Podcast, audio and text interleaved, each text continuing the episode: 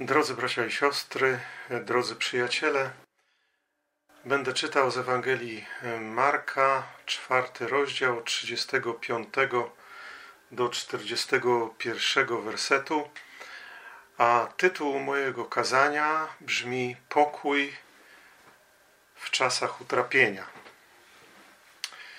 Ewangelia Marka, czwarty rozdział, 35 do 41 wersetu. I rzekł do nich owego dnia, kiedy nastał wieczór: Przeprawmy się na drugą stronę. Opuścili więc lud i wzięli go z sobą, tak jak był w łodzi, a inne łodzie towarzyszyły mu. I zerwała się gwałtowna burza, a fale wdzierały się do łodzi, tak iż łódź już się wypełniała a on był w tylnej części łodzi i spał na wezgłowiu. Budzą go więc i mówią do niego: Nauczycielu, nic cię to nie obchodzi, że giniemy? I obudziwszy się, zgromił wicher i rzekł do morza: Umilknij, ucisz się. I ustał wicher, i nastała wielka cisza. I rzekł do nich: Czemu jesteście tacy bojaźliwi? Jakże to? Jeszcze wiary nie macie? I zdjął ich strach wielki i mówili jeden do drugiego.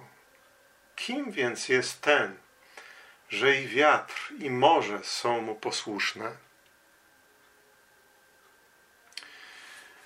E, drodzy e, przyjaciele, żyjemy w czasach technologii i w epoce, w której wydaje nam się, że mamy nad wszystkim pełną kontrolę. I to jest tragedia współczesnego człowieka. Sądzimy, że opanowaliśmy żywioły i przyrodę i czujemy się bezpieczni. Przy tak wielkim rozwoju nauki, w którą świat tak bezgranicznie wierzy, nagle nadeszła pandemia koronawirusa i nagle poczuliśmy, że nie możemy sobie poradzić, że sytuacja wymknęła się nam spod kontroli. Nagle poczuliśmy się niepewni i bezradni. Nasze pokolenie żyło dotychczas w czasach bezprecedensowego spokoju i dobrobytu. Nigdy jeszcze w historii naszego kraju nie było tak długiego okresu bez wojny. Nasze pokolenie ma wyjątkowe szczęście, żyje w wyjątkowym czasie. I oto nagle Ludzi ogarnął strach, wykupują żywność, środki higieniczne, a nawet w niektórych krajach broń. Przypomina nam to słowa Jezusa zapowiadającego koniec czasów, kataklizmy i ogólnoświatowe nieszczęścia. Powiedział tak w Ewangelii Łukasza, 21 rozdziale i 25 wersecie i będą znaki na słońcu, księżycu i na gwiazdach, a na ziemi lęk bezradnych narodów. Podkreślam, lęk bezradnych narodów, gdy zahuczy morze i fale. Ludzie omdlewać będą z trwogi w oczekiwaniu tych rzeczy, które przyjdą na świat. Poprzednie pokolenia często doświadczały kataklizmów i epidemii i morów, ale nie miały tylu zabezpieczeń co my.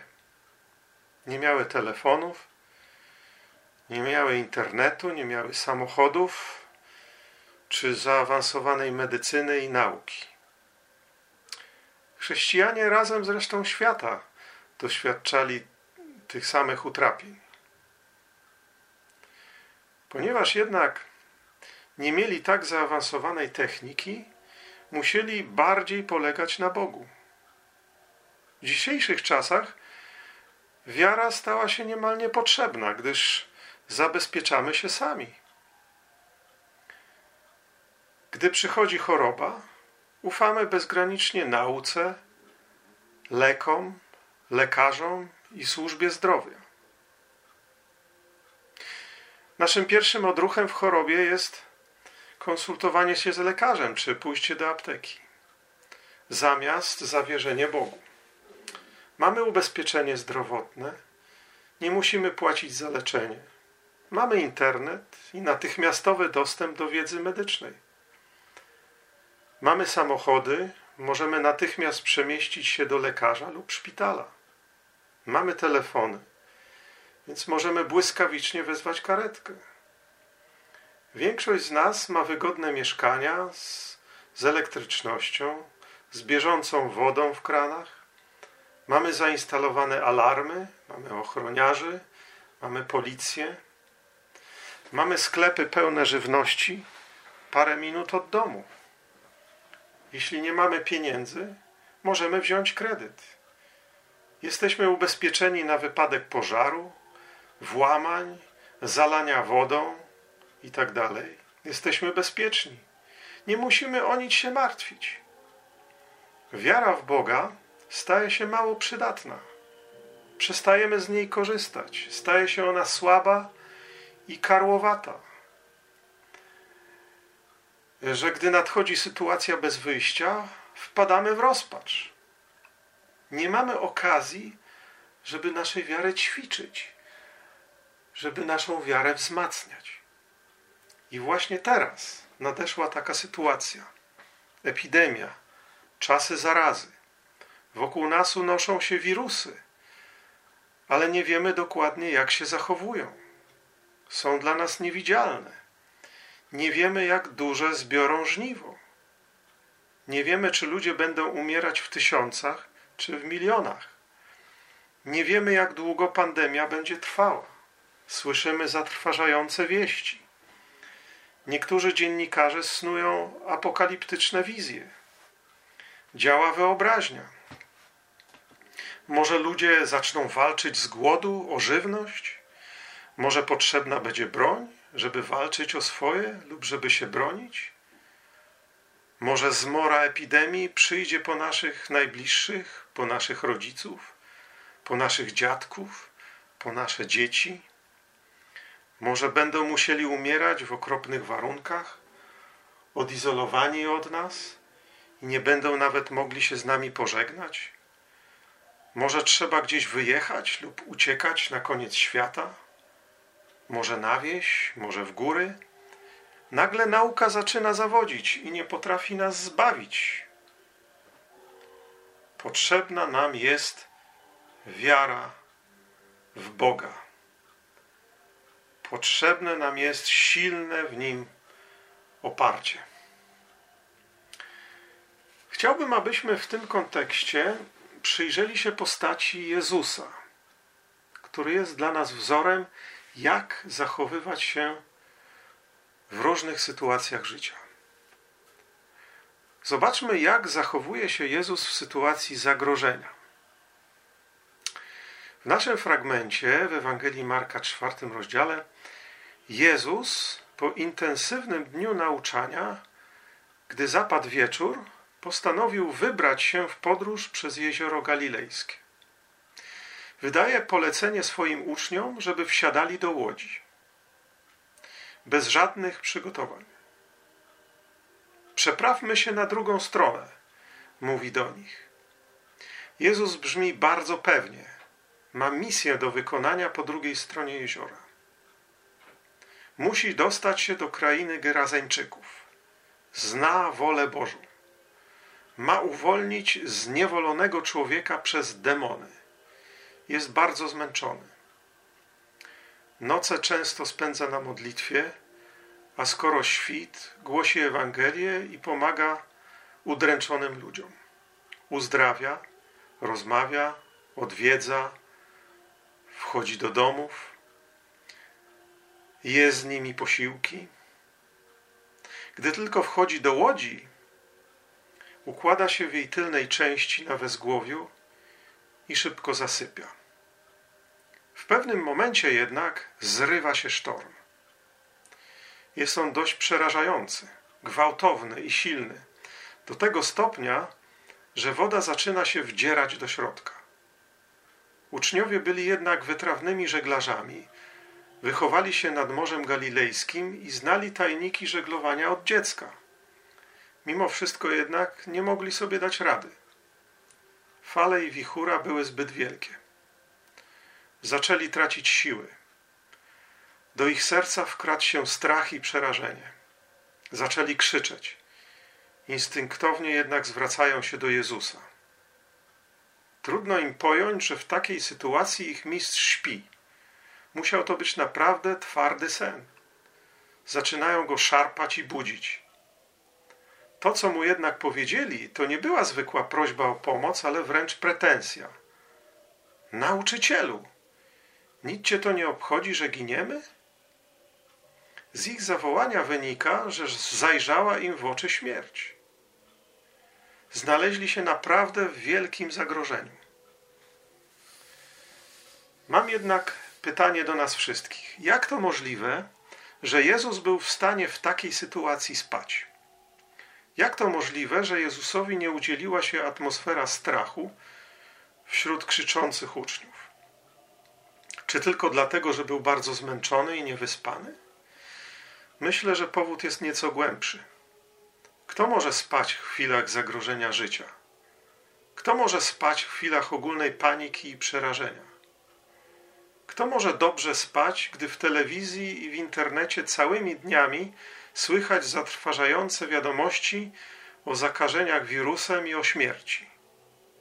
Tylko ten, kto ma wewnętrzny pokój, który jest ponad wszelki rozum, jak mówi apostoł Paweł w liście do Filipian, czwartym rozdziale. Mówi tak: A pokój Boży, który jest ponad wszelki rozum, strzec będzie serc waszych i myśli waszych w Chrystusie Jezusie. I to właśnie ten Chrystus Jezus był wtedy z uczniami w Łodzi. I miał w swoim sercu nadprzyrodzony pokój, który jest ponad wszelką logikę i naukowe myślenie. Pokój, który pochodzi tylko z nieba. Kto ma taki pokój, może dobrze spać. Jezus miał pokój nawet w trakcie sztormu, ponieważ spędzał wiele czasu ze swoim Ojcem. Żył bardzo blisko Niego. Dobrze Go znał. Często z Nim rozmawiał. Ciągle słyszał Jego głos i dobrze Go znał. Żył w nieustannej obecności swojego Ojca. Dlatego wszystko, co robił, było pewne i pełne przekonania. Wiedział, że musi przeprawić się na drugą stronę, gdyż miał tam do wykonania ważną pracę. Wiedział, dokąd zmierza. Miał świadomość, że jest w centrum woli Bożej. Wiedział, że musi żyć, dopóki wypełni misję zbawienia człowieka. I nic nie mogło mu w tym przeszkodzić, ani nikt nie mógł mu zaszkodzić. Był niezniszczalny, dopóki ojciec nie odwołał go z tego świata. Przypomina mi się w tym momencie pewien epizod z życia Billa Brighta, założyciela znanej międzynarodowej studenckiej organizacji chrześcijańskiej o nazwie Campus Crusade for Christ, w Polsce znanej pod nazwą Ruch Nowego Życia, znanej również z popularnych ulotek ewangelizacyjnych. Otóż Bill Bright podróżował kiedyś pociągiem przez Pakistan w czasie, gdy na początku lat 70. między Pakistanem i Indiami toczyła się wojna. Pociąg jechał przez tereny, na których toczyły się walki.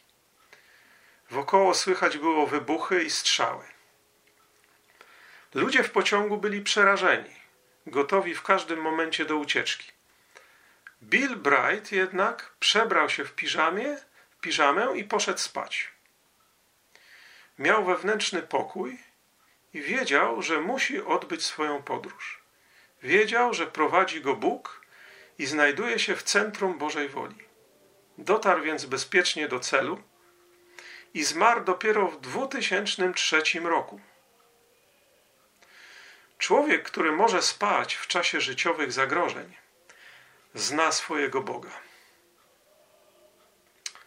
Uczniowie w Ewangelii byli oburzeni na Jezusa, że nie próbuje przyłączyć się do ratowania łodzi i ratowania ich wszystkich. Gdy jednak Jezus się obudził, dokonał czegoś, czego żaden z uczniów się nie spodziewał. Zaczął raz rozkazywać wiatrom i morzu. Zwrócił się do żywiołów jak do żywych stworzeń, jak do swoich podwładnych. Okazuje się, że potrafił kontrolować siły przyrody, coś o czym marzy wielu ludzi dzisiaj. Mógł to jednak zrobić, ponieważ jest wcielonym Bogiem. Miał w sobie moc, której nie mieli jego uczniowie.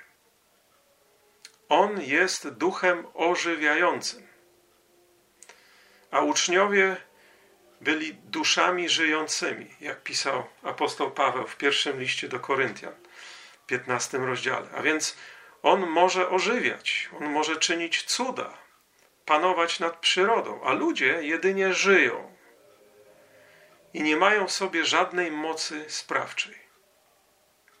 Uczniowie oglądali go w działaniu przez trzy lata. W tym momencie przerażenia i grozy o tym zapomnieli. Gdy wichura i morze ucichły i nastała nieprawdopodobna cisza, a tafla morza stała się jak lustro, Jezus zwraca się do nich ze zdziwieniem. Zadaje im dwa kluczowe, ważkie pytania, które są aktualne dla nas i dzisiaj. Mówi: Czemu jesteście tacy bojaźliwi? Jakże to? Jeszcze wiary nie macie? Jezus dziwi się. Pytania tego typu zadawał wielokrotnie w Ewangeliach. Pytania z zadziwienia, że ludzie jeszcze nie mają wiary. Jego najbliżsi ludzie tyle czasu z nim spędzili i jeszcze się boją? Dlaczego? Tyle cudów widzieli i jeszcze nie wierzą? Skąd bierze się ta chroniczna ich choroba? Jak długo można bać się sytuacji, zagrożeń, ludzi, katastrof, nieszczęść i śmierci, skoro obok jest Jezus? On przecież jest zmartwychwstaniem i życiem. Kiedy człowiek trzyma się go, jest z nim zjednoczony i żyje z nim w stałej bliskości, nie może się bać. Jezus wyzwala ze strachu przed śmiercią. List do Hebrajczyków, drugi rozdział, piętnasty werset mówi, że Jezus przyszedł, aby przez śmierć zniszczyć tego, który miał władzę nad śmiercią, to jest diabła, aby wyzwolić wszystkich tych, którzy z powodu lęku przed śmiercią przez całe życie byli w niewoli. Nawet gdy jesteśmy w, w sytuacjach zagrożenia życia, nie powinniśmy bać się śmierci, bo Jezus nas z tego strachu wyzwala. Wiemy, dokąd zmierzamy, żyjemy w centrum Bożej woli, mamy przebaczone grzechy i zapewnione zbawienie. Gdzież jest o śmierci zwycięstwo Twoje? Gdzież jest o śmierci żądło Twoje? Pyta apostoł Paweł triumfalnie. Potem Ewangelia mówi, jak zareagowali uczniowie. I zdjął ich strach wielki i mówili jeden do drugiego. Kim jest więc ten, że i wiatr, i morze są mu posłuszne? A więc strach przed śmiercią i burzą przerodził się w bojaźń Bożą, w strach przed Bogiem, ten Boży strach. Co za wspaniała przemiana. Obyśmy i my takiej przemiany doświadczyli w okresie epidemii koronawirusa. Chciałem przytoczyć jeszcze jeden przykład z historii Kościoła z XVIII wieku, z czasów, gdy rozpoczynało się wielkie przebudzenie w Anglii i Ameryce Północnej. Był rok 1736. Jan Wesley, jeden z największych kaznodziejów w historii, przez którego nawróciły się dziesiątki tysięcy ludzi, płynął statkiem przez Ocean Atlantycki z Anglii jako świeżo wyświęcony ksiądz anglikański do kolonii angielskich w Ameryce, żeby nawracać Indian. Niestety nie był jeszcze nawróconym człowiekiem. Miał wiele duchowych wątpliwości i rozterek. Napisał w pamiętniku tak. Jadę, żeby nawracać Indian, ale kto nawróci mnie? I oto w czasie swojej podróży spotyka na statku niezwykłą i tajemniczą grupę chrześcijan, którzy wyraźnie się różnią od reszty pasażerów. Nazywają się bracia morawscy, których Wesley w swoim pamiętniku nazywa Niemcami. Byli to osadnicy czescy w Niemczech, którzy przeżyli siedem lat wcześniej w swojej wiosce wspaniałe Boże nawiedzenie. E, Duch Święty potężnie wśród nich działał. W trakcie rejsu zrywa się straszny storm, sztorm. Wesley przygląda się ich reakcjom. Posłuchajmy fragmentu jego pamiętnika. O siódmej udałem się do Niemców. Od dłuższego czasu przyglądałem się wielkiej powadze ich zachowania. Dawali oni nieustanne dowody pokory przez wykonywanie służalczych czynności na rzecz innych pasażerów, których żaden z Anglików by się nie podjął. Nie pragnęli oni za nie żadnej zapłaty, gdyż mówili, że jest to dobre dla ich dumnych serc i że ich kochający Zbawiciel uczynił dla nich znacznie więcej. Każdy dzień był dla nich okazją okazywania cichości, której nie mogła naruszyć żadna krzywda. Gdy byli popychani, uderzani lub przewracani, wstawali i odchodzili. Nie było jednak na ich ustach żadnej skargi. I oto nadeszła okazja, by sprawdzić, czy zostali wyzwoleni z ducha strachu, jak również pychy, złości i chęci odwetu. W trakcie śpiewu psalmu, którym rozpoczęli swoje nabożeństwo, rozszalało się morze, rozerwało w strzępy główny żagiel, zalało statek i wdarło się między pokłady, zupełnie jakby pochłonęła nas wszystkich wielka morska otchłań. Wśród Anglików rozległ się straszny krzyk. Niemcy natomiast spokojnie śpiewali dalej. Zapytałem później jednego z nich, czy nie bałeś się? Odpowiedział, dzięki Bogu nie. Zapytałem znowu, a wasze kobiety i dzieci też się nie bały? Odparł łagodnie, nie. Nasze kobiety i dzieci nie boją się umrzeć. Podszedłem potem do płaczących i drżących sąsiadów i zwróciłem im uwagę na różnicę, jaka miała miejsce w godzinie próby między tymi, którzy boją się Boga, a tymi, którzy się go nie boją. O dwunastej wiatr ustał. Był to najbardziej chwalebny dzień, jaki kiedykolwiek dotąd widziałem, mówi Wesley w swoim pamiętniku. Oto przykład pokoju, który jest ponad wszelki rozum, który wypływa z bliskiego przebywania z Bogiem. Takie było doświadczenie braci morawskich w czasie burzy. Na koniec chciałem powiedzieć, że przytoczona historia o burzy na jeziorze galilejskim w Ewangelii zachęca nas do skupienia się na Jezusie. W obecnym trudnym czasie zagrożenia i lęku zbliżajmy się do Niego i trzymajmy się Go jak najmocniej. Jest to czas pokuty, postu i szukania Boga. Jeśli będziemy blisko Niego i odkryjemy, że jest tuż obok w naszej łodzi, nasz lęk przerodzi się w uwielbienie i pokój, tak jak wśród uczniów. Czy jesteśmy w centrum Bożej woli? Czy wiemy na pewno, do czego nas Bóg powołał? Jaka jest nasza, nasza misja na tej ziemi? Czy wiemy, dokąd zmierzamy? Czy mamy pewność w sercu? Jeśli Bóg jest z nami, to któż przeciwko nam? Woła apostoł Paweł. triumfalnie. W chwilach wielkich zagrożeń w historii lud Boży często się jednoczył w wołaniu do Boga i następowało ożywienie Kościoła. Cierpienia nigdy nie, Kościołowi nie zaszkodziły. Wręcz przeciwnie, ożywiały go i wzmacniały. Kto wie, jeśli jako zbory i kościoły w Polsce w obecnym czasie, jeśli będziemy wspólnie wzywać Boga, mogą stać się wielkie rzeczy.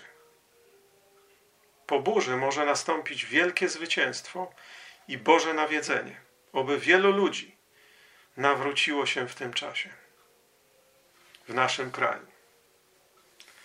Chrześcijanie chińscy w Wuhan głoszą Ewangelię na ulicach i rozdają maseczki. Niech suwerenny Bóg uwielbi się w tym czasie utrapienia. On jest tym, który nadal siedzi na tronie i nic nie wymknęło się mu spod kontroli. Jego dzieła mają miejsce przed naszymi oczami.